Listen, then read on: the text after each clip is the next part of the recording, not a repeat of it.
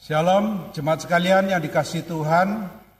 Mari sebelum kita mendengarkan dan menerima firman Tuhan, mari kita sekali lagi masuk dalam doa, mohon pertolongan Tuhan. Ya Tuhan, Allah Bapa di surga, kami mengucap syukur pada saat ini kami boleh datang beribadah pada Tuhan melalui channel ini. Terima kasih kami sudah boleh memuji, muji, dan boleh berdoa kepada Tuhan. Tibalah saatnya untuk kami boleh menerima firman Tuhan kami berdoa, Tuhan tolong berkati waktu ini, urapi hambamu yang akan menyampaikan firman Tuhan, dan persiapkan hati kami Tuhan, supaya boleh menjadi seperti tanah yang subur untuk ditaburi oleh benih firman Tuhan, sehingga firman Tuhan ini boleh bertumbuh dalam hidup kami dan boleh berbuah. Berkati waktu ini Tuhan, terpujilah Engkau Tuhan, di dalam nama Tuhan Yesus Kristus kami berdoa. Amin. Jemaat sekalian yang dikasih Tuhan, tema firman Tuhan pada hari ini adalah anugerah dari anugerah menjadi rasa syukur. Dari anugerah menjadi rasa syukur. Kalau boleh diterjemahkan bahasa Inggris adalah from grace to gratitude. From grace to gratitude. Bapak Ibu yang dikasih Tuhan ada satu ungkapan seorang penulis menulis demikian. Without grace, there is no gratitude. Without grace, there is no gratitude. Tanpa anugerah, tidak akan ada rasa syukur. Nah, saya berpikir Bapak Ibu, dua hal ini, anugerah dan rasa syukur, grace dan gratitude, tidak bisa tidak ada dalam diri orang Kristen. Setiap orang Kristen itu perlu sekali akan anugerah dan perlu sekali akan rasa syukur. Tapi pertanyaannya, Bagaimana kita mendapatkan anugerah? Sudahkah kita mempunyai anugerah tidak? Bisakah kita bersyukur? Bagaimana kita bisa bersyukur Bapak Ibu? Nah oleh karena itu mari kita melihat firman Tuhan untuk bisa mendapatkan bagaimana kita mendapatkan anugerah dan bisa hidup di dalam rasa syukur. Firman Tuhan hari ini terambil dari 2 Korintus pasal 8 ayat 1 sampai dengan 5. 2 Korintus pasal 8 ayat 1 sampai dengan 5 demikian bunyi firman Tuhan Bapak Ibu sekalian. Saudara-saudara kami hendak memberitahukan kepada kamu tentang kasih karunia yang dianugerahkan kepada jemaat-jemaat di Makedonia.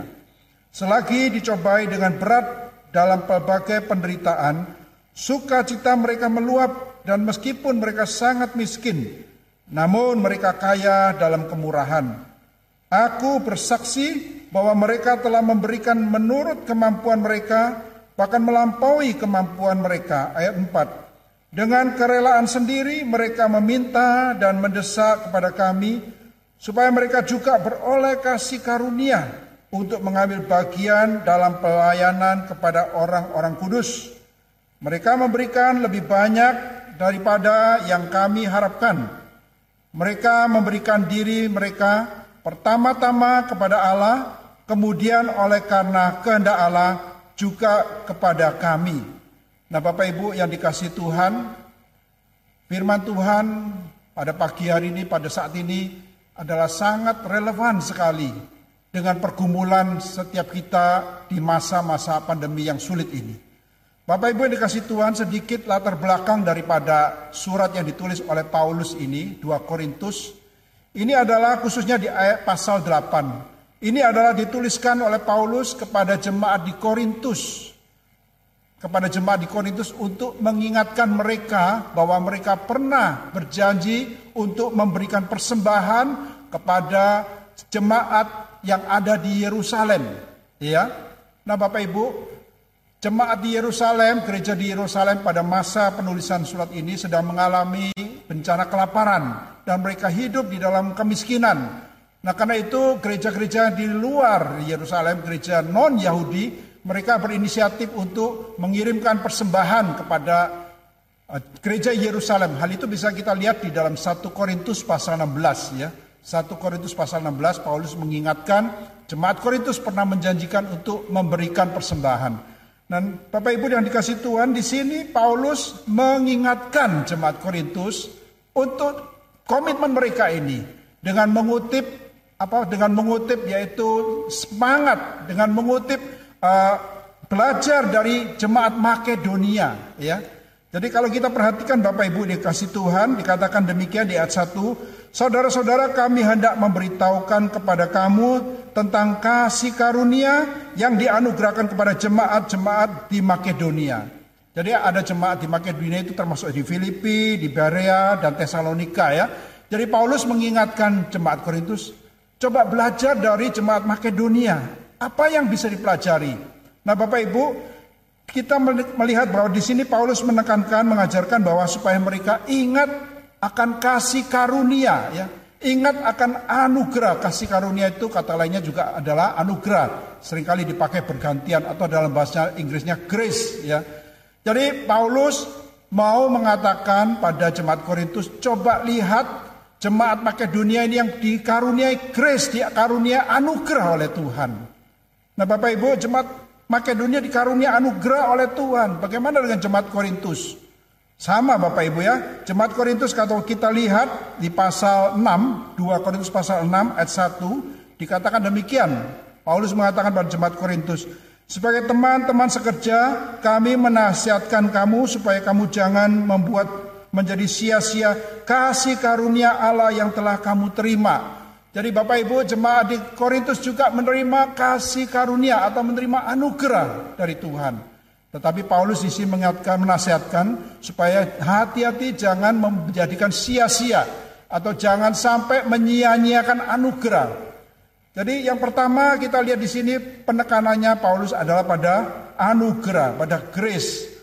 Nah Bapak Ibu yang dikasih Tuhan, kita tahu bahwa setiap kita tentulah memperoleh atau menerima anugerah, ya. Anugerah atau grace, ya. Yohanes pasal 1 ayat 16 dikatakan kasih karunia demi kasih karunia dari Yesus Kristus. Jadi kita Bapak Ibu, kita menerima anugerah. Apa itu anugerah? Anugerah adalah pemberian dari atasan kepada bawahan ya, anugerah. Nah dalam hal ini adalah kita menerima anugerah pemberian cuma-cuma. Bukan karena perbuatan baik kita, bukan karena kebaikan kita, tapi karena pemberian Allah kepada kita melalui Yesus Kristus. Jadi setiap kita Bapak Ibu itu menerima anugerah dari Tuhan di dalam Yesus Kristus seperti dikatakan di dalam Roma pasal 6 ya ayat 23 kita menerima anugerah hidup kekal ya Sebab upah dosa ialah maut, tetapi kasih karunia Allah ialah hidup kekal di dalam Kristus Yesus. Jadi kita, setiap kita yang sudah percaya Yesus Kristus, kita menerima anugerah hidup kekal. Di Efesus pasal 2 ayat 8, Paulus mengatakan bahwa sebab kasih karunia kamu diselamatkan. Jadi Bapak Ibu, setiap kita itu yang diselamatkan karena anugerah, karena kasih karunia ini. Jadi setiap orang percaya, setiap orang yang sudah diselamatkan, setiap kita, setiap gereja Tuhan itu menerima anugerah, menerima kasih karunia, menerima grace. Nah pertanyaannya Bapak Ibu, apakah kita menyadari tidak? Ya, anugerah itu bukan saja anugerah keselamatan Bapak Ibu. Sebenarnya hidup kita ini semua itu adalah anugerah seperti lagu yang kita nyanyikan. Ya, semua karena anugerahnya. Hidup kita ini adalah anugerah Tuhan. Tetapi berapa banyak kita tahu bersyukur kalau kita menerima anugerah ini. Maaf, berapa banyak dari kita yang menyadari kalau kita menerima anugerah. Mungkin banyak orang bersyukur, banyak orang bisa bersyukur kalau menerima apa? Menerima anugerah berkat materi ya.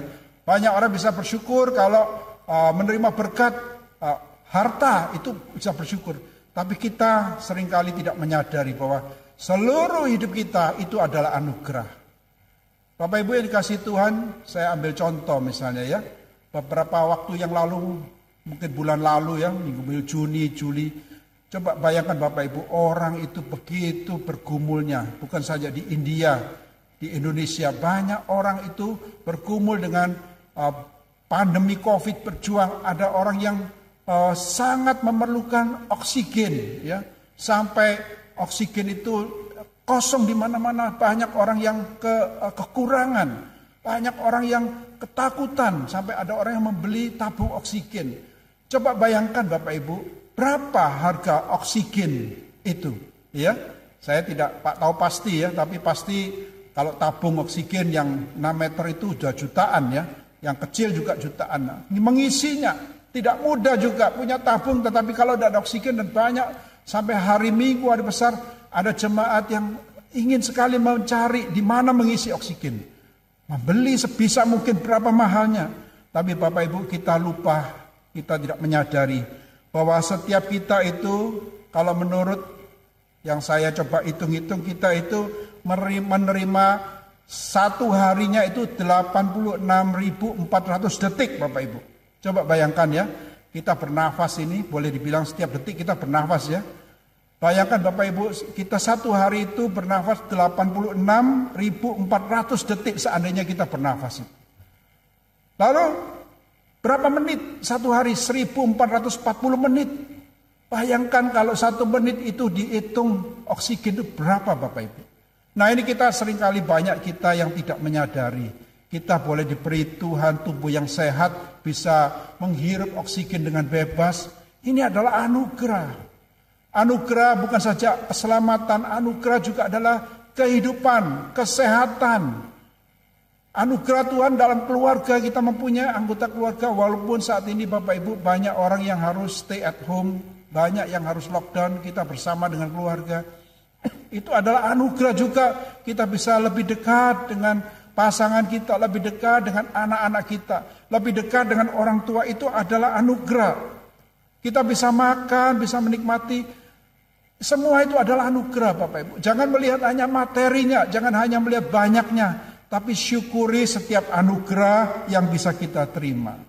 Nah Bapak Ibu yang dikasih Tuhan, ada perkataan demikian. Living in the state of gratitude is the gateway to grace. Atau dengan terjemahannya, hidup secara bersyukur adalah pintu menuju anugerah. Hidup bisa dengan bersyukur yaitu adalah pintu menuju anugerah. Jadi kita butuh anugerah. Anugerah akan menjadi berkat bagi kita kalau kita tahu bersyukur. Tapi Bapak Ibu, kalau banyak orang tiap hari hanya menggerutu, mengomel, tidak pernah mensyukuri akan anugerah yang dia terima. Kita mungkin kalau makan kita lupa berdoa. Harusnya kita bersyukur kita bisa makan, kita bisa sehat walaupun makanannya tidak terlalu mewah. Tapi kita bisa menikmati makanan itu adalah anugerah Bapak Ibu. Bisakah kita bersyukur akan hal ini? Semua adalah karena anugerah. Semua adalah anugerahnya. Kita bisa apa pun itu semua adalah anugerah Tuhan. Jadi Bapak Ibu hidup kita ini dipenuhi oleh anugerah Tuhan. Makanya firman Tuhan mengatakan apa? Mengucap syukurlah senantiasa. Paulus di dalam 1 Tesalonika pasal 5 ayat 16 katakan mengucap syukurlah atau bersuka citalah senantiasa dengan mengucap syukur. Jadi kalau kita bisa mengucap syukur Bapak Ibu, maka kita bisa bersuka cita. Tetapi kalau kita tidak tahu mengucap syukur, kita tidak akan bisa bersuka cita. With grace and gratitude, life is filled with endless gladness. Dengan anugerah, dengan rasa syukur, maka hidup kita akan dipenuhi oleh sukacita. Ya. Nah Bapak Ibu, ini adalah pentingnya kita menyadari bahwa hidup kita adalah anugerah. Sebagaimana Paulus mengingatkan jemaat Korintus akan anugerah mereka memakai contoh Makedonia yang menerima anugerah dari Tuhan. Namun Bapak Ibu yang dikasih Tuhan, anugerah itu akan sia-sia kalau tanpa G yang kedua ini. Tadi G yang pertama grace ya. G yang kedua ini adalah gratitude ya. Anugerah tanpa rasa syukur itu akan sia-sia, tidak akan menjadi anugerah. Mari kita lihat di ayat kedua Bapak Ibu. Ayat kedua dikatakan Selagi dicobai dengan berat dalam berbagai penderitaan, sukacita mereka meluap dan meskipun mereka sangat miskin, namun mereka kaya dalam kemurahan. Jadi Bapak Ibu yang dikasih Tuhan, kita lihat jemaat Makedonia ini, ini luar biasa sekali. Dikatakan meskipun mereka dalam penderitaan, namun sukacita mereka meluap. Meskipun mereka sangat miskin, namun mereka kaya dalam kemurahan. Nah Bapak Ibu, mengapa jemaat Makedonia bisa mengalami ini? Mengapa jemaat dunia, Makedonia meskipun menderita masih bisa bersyukur? Bagaimana dengan kita Bapak Ibu? Ketika kita mengalami kondisi seperti ini karena pandemi, apakah kita masih bisa bersyukur Bapak Ibu? Mari kita belajar kenapa jemaat Makedonia ini meskipun dalam penderitaan masih bisa bersyukur. Ini juga adalah karena anugerah Bapak Ibu. Bisa bersyukur di kala menderita itu adalah anugerah. Karena anugerah bukan hanya untuk percaya. Anugerah juga menderita bagi Kristus itu adalah anugerah. Coba perhatikan firman Tuhan di Filipi pasal 1 ayat 29 ini. Bunyinya demikian.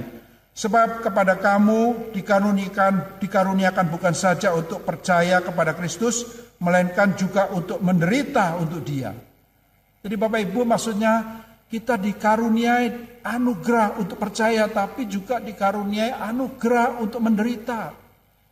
Karena itu Petrus, Rasul Petrus ketika kaisar kekaisaran Romawi yang sangat kejam, kekaisaran Roma yang kejam pada waktu itu. Kaisar Nero dan mereka mencari orang-orang Kristen, menangkap orang-orang Kristen. Paulus, eh, maaf Petrus di surat Petrus, di surat Petrus menguatkan, menghibur umat Kristen yang sedang ketakutan, sedang mengalami masa krisis. 1 Petrus pasal 2 ayat 20 demikian Petrus mengingatkan. Tetapi jika kamu berbuat baik dan karena itu kamu menderita, maka itu adalah kasih karunia pada Allah. Jadi sama Bapak Ibu, Petrus sama dengan Paulus, kalau kamu berbuat baik lalu kamu menderita, itu adalah anugerah. Jadi orang yang bisa tetap bersyukur walaupun menderita itu adalah anugerah bukan kemampuan kita. Itu adalah anugerah dari Tuhan. Nah Bapak Ibu mengapa penderitaan itu adalah anugerah? Mengapa orang menderita untuk Kristus itu adalah anugerah karena Bapak Ibu dengan menderita untuk Kristus maka itu akan memurnikan akan memperdalam iman kita kepada Tuhan dengan kalau kita Mau hidup lancar-lancar, percaya Tuhan, hanya mau diberkati itu semua orang bisa Bapak Ibu. Tetapi kalau kita mau sungguh-sungguh, mau diproses, mau sungguh-sungguh mempunyai relasi yang baik dengan Tuhan, mau semakin mengenal Allah, mau semakin serupa dengan Kristus, tidak bisa tidak, itu harus diproses, kita harus berani, kata Tuhan Yesus, menyangkal diri, memikul salib, mengikut aku. Kita harus mau menjadi murid kita harus mau rela diproses. Baru kita bisa benar-benar menjadi orang yang mengenal Tuhan dengan benar. Bapak Ibu yang dikasih Tuhan, bukan saja jemaat Makedonia bisa bersyukur ketika mereka menderita. Paulus pun sama ya. Paulus ketika dia mengalami sakit, ada duri di dalam dagingnya, itu di 2 Korintus pasal 12 ya. Paulus juga merasa bersyukur dia bisa mengalami hal ini. Karena justru ketika dia lemah, justru ketika dia sakit, itulah dia kuat. Mari saya bacakan untuk Bapak Ibu sekalian, 2 Korintus pasal 12 ayat 7. Dikatakan demikian, cukuplah kasih karuniaku bagimu. Jadi Paulus ketika berdoa kepada Tuhan untuk boleh menghilangkan duri dan dagingnya ini. Firman Tuhan mengatakan, cukuplah kasih karuniaku bagimu. Artinya cukuplah anugerah Tuhan bagimu. Sebab justru dalam kelemahanlah kuasaku menjadi sempurna kata Tuhan. Justru dalam kelemahan itu kuasa Tuhan menjadi semakin nyata Bapak Ibu. Bapak Ibu yang dikasih Tuhan, saya mengenal seorang ibu pendeta wanita dia melayani di satu kota kecil ya, saya melayani satu kota kecil. Nah pendeta wanita ini sakit kanker, sakit kanker. Nah Bapak Ibu, dia sebagai hamba Tuhan dengan sakit kanker, dengan kondisi yang sangat minim, dia masih punya hati untuk melayani jemaat. Ya, saya ketika berkenalan tahu dengan uh, pendeta wanita ini, ibu pendeta ini, saya dengan semua kami mencoba kalau bisa membantu ya, mencoba membantu uh, sebisa mungkin ya, maksudnya tidak banyak tapi paling tidak menolong. Nah Bapak Ibu yang dikasih Tuhan, Ibu pendeta ini luar biasa sekali. Ketika kami memberikan persembahan kasih kepada dia, dia tidak pakai untuk pengobatan. Kami mengatakan, Bu, pakailah untuk pengobatan. Dia pakai uang persembahan itu apa? Untuk pelayanan. Dia itu sengaja membuka apa namanya uh, mak, uh, makan makan siang untuk para pemulung di tempatnya itu ya. Jadi ibu pendeta ini dia sengaja masak untuk menyediakan makan bagi para pemulung. Jadi kondisi dia sendiri sakit, kondisi juga minim, tapi dia masih memikirkan orang lain. Dia masih bisa bersyukur kalau dia punya kelebihan, dia mau berbagi kepada para pemulung, pada gelandangan. Jadi orang-orang yang tahu dia buka warung tapi gratis, orang datang, nah sebelum makan diajak berdoa Bapak Ibu. Walaupun tidak seiman ya, diajak berdoa. Nah ini satu pelayanan yang luar biasa. Ibu ini mengatakan saya setiap saat bisa dipanggil Tuhan. Tapi saya mau melayani, melayani terus pada Tuhan. Ini adalah ungkapan syukur yang saya boleh dikatakan ini ada level yang lebih tinggi ya. Kalau banyak orang bisa bersyukur kalau lancar, banyak orang bisa bersyukur kalau semuanya aman-aman. Tapi bagaimana kita bisa bersyukur? Ada enggak gratitude ketika kita mengalami kesulitan, ketika mengalami penderitaan, ketika sakit, ada kita bersyukur? Bapak Ibu yang dikasih Tuhan, kita lihat jemaat Makedonia selain mereka memahami grace, namun mereka juga hidup dalam gratitude, ya, hidup dengan rasa syukur. Nah yang ketiga Bapak Ibu yang terakhir kita bisa melihat bahwa jemaat Makedonia ini rasa syukur mereka itu diungkapkan di dalam apa? Di dalam G yang ketiga yaitu generosity atau uh, satu kemurahan hati ya.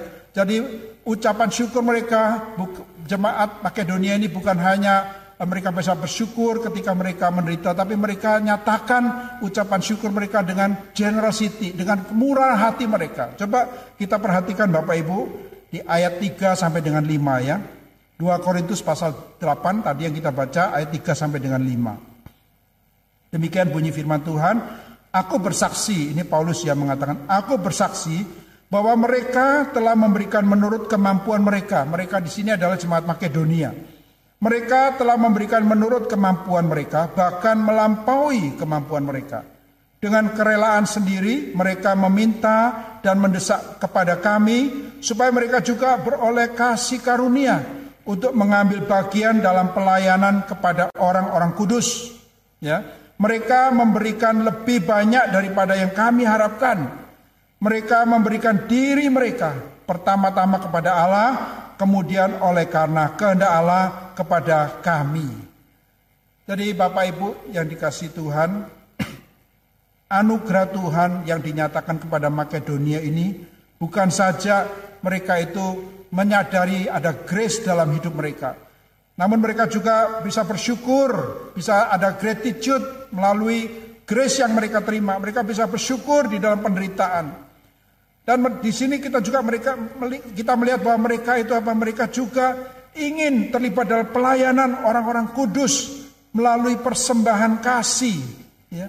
Jadi Paulus mengatakan mereka itu sengaja dengan kerelaan meminta, boleh dikatakan memaksa supaya mereka diberi anugerah untuk mengambil bagian di dalam pelayanan kepada orang-orang kudus. Jadi dalam pikiran mereka itu bisa melayani orang-orang kudus itu adalah anugerah juga. Bisa memberi, berambil bagian dalam persembahan kasih itulah anugerah. Luar biasa sekali Bapak Ibu yang dikasih Tuhan. Dan kita juga membaca bahwa mereka itu memberi hati kepada Tuhan terlebih dahulu. Dan baru kemudian memberikan persembahan kasih kepada kami. Nah Bapak Ibu ini penting sekali ya. Kalau kita mempunyai hati kepada Tuhan, kita pasti akan bisa memberi. Di mana hartamu berada, di situ hatimu berada, ya.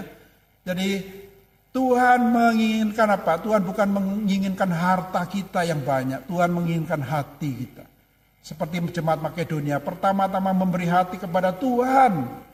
Dengan memberi hati kepada Tuhan, maka mereka otomatis akan memberikan persembahan. Nah, Bapak Ibu yang dikasih Tuhan, Memberi persembahan itu bukan satu paksaan seperti yang kita belajar dari Makedonia. Tapi ini adalah satu anugerah. Satu anugerah kita bisa melihat di dalam ayat-ayat berikutnya. 2 2 Korintus pasal 8, pasal 9 itu dua pasal itu bicara mengenai apa? Mengenai kesempatan bisa memberi Bapak Ibu.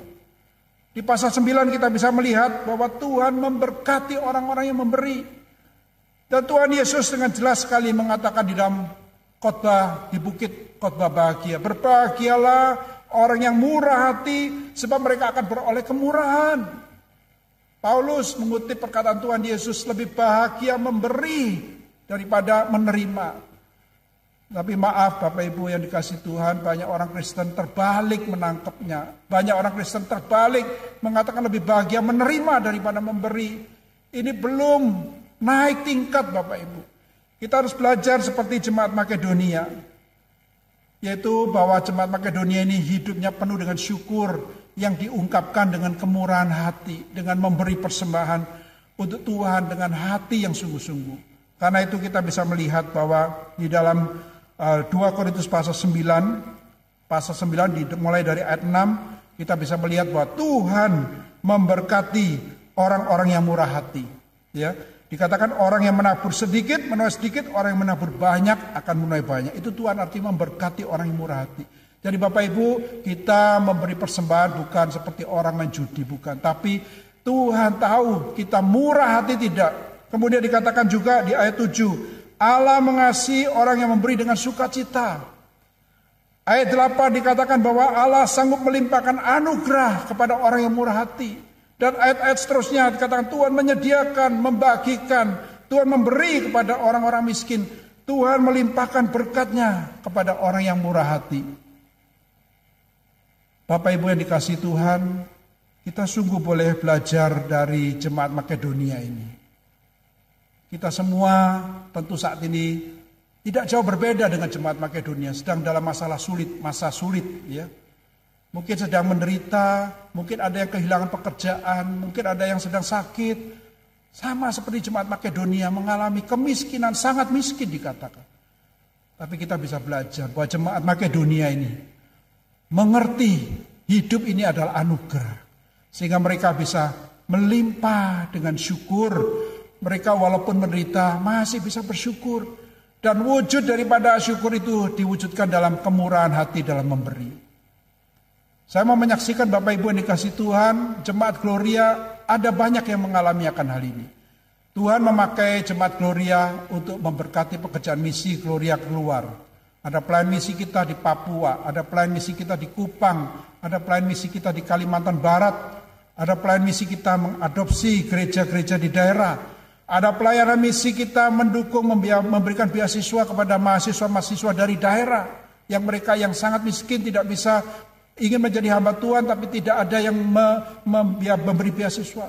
Ada banyak pelayanan yang bisa dikerjakan. Walaupun kemarin satu tahun pandemi, saya bersyukur Tuhan masih menggerakkan jemaat untuk memberi persembahan, untuk mendukung pelayan misi. Tuhan akan memberkati jemaat sekalian yang dengan setia mendukung pekerjaan misi. Di dalam akhir khotbah nanti kita akan bersama-sama Bapak Ibu untuk bergumul, untuk mendoakan dan untuk memberi pekerjaan Tuhan dengan hati yang sukacita, dengan hati yang bersyukur. Sehingga pekerjaan Tuhan ini bisa tetap jalan. Mari kita belajar daripada jemaat di Makedonia. Walaupun mereka dalam keadaan sulit, mereka masih bisa memberi. Dan Tuhan berkenan, Tuhan memberkati jemaat Makedonia ini. Kiranya Tuhan juga memberkati jemaat Gloria yang sungguh punya hati, yang tahu bersyukur, yang sungguh punya hati mensyukuri anugerah Tuhan, yang tahu memberikan persembahan dengan murah hati. Kiranya semuanya boleh memuliakan nama Tuhan. Tuhan memberkati Bapak Ibu sekalian. Amin. Mari kita berdoa. Ya Tuhan Allah Bapa di surga, kami sungguh bersyukur melalui firman Tuhan, Tuhan boleh mengingatkan setiap kami bahwa kami ini sudah menerima banyak anugerah yang dari Tuhan. Anugerah keselamatan, anugerah kehidupan, anugerah yang berlimpah, anugerah demi anugerah, kasih karunia demi kasih karunia yang tidak terhitung banyaknya Tuhan. Dan Tuhan kau mau supaya kami boleh mensyukuri semua anugerah Tuhan ini. Engkau mau supaya hidup kami penuh dengan sukacita, dengan ucapan syukur. Dan Tuhan agar ucapan syukur, sukacita ini tidak kami simpan untuk diri kami sendiri. Tapi kami boleh berbagi Tuhan. Kami boleh belajar untuk murah hati. Kami boleh belajar untuk menyalurkan kasih Tuhan melalui persembahan komitmen misi kami nanti. Tuhan pimpinlah setiap kami supaya kami boleh digerakkan oleh Roh Kudus sendiri, kasih Tuhan sendiri untuk bisa terus mendukung pekerjaan misi Tuhan melalui gereja Gloria ini. Terima kasih Bapa, di dalam nama Tuhan Yesus Kristus kami sudah berdoa. Amin.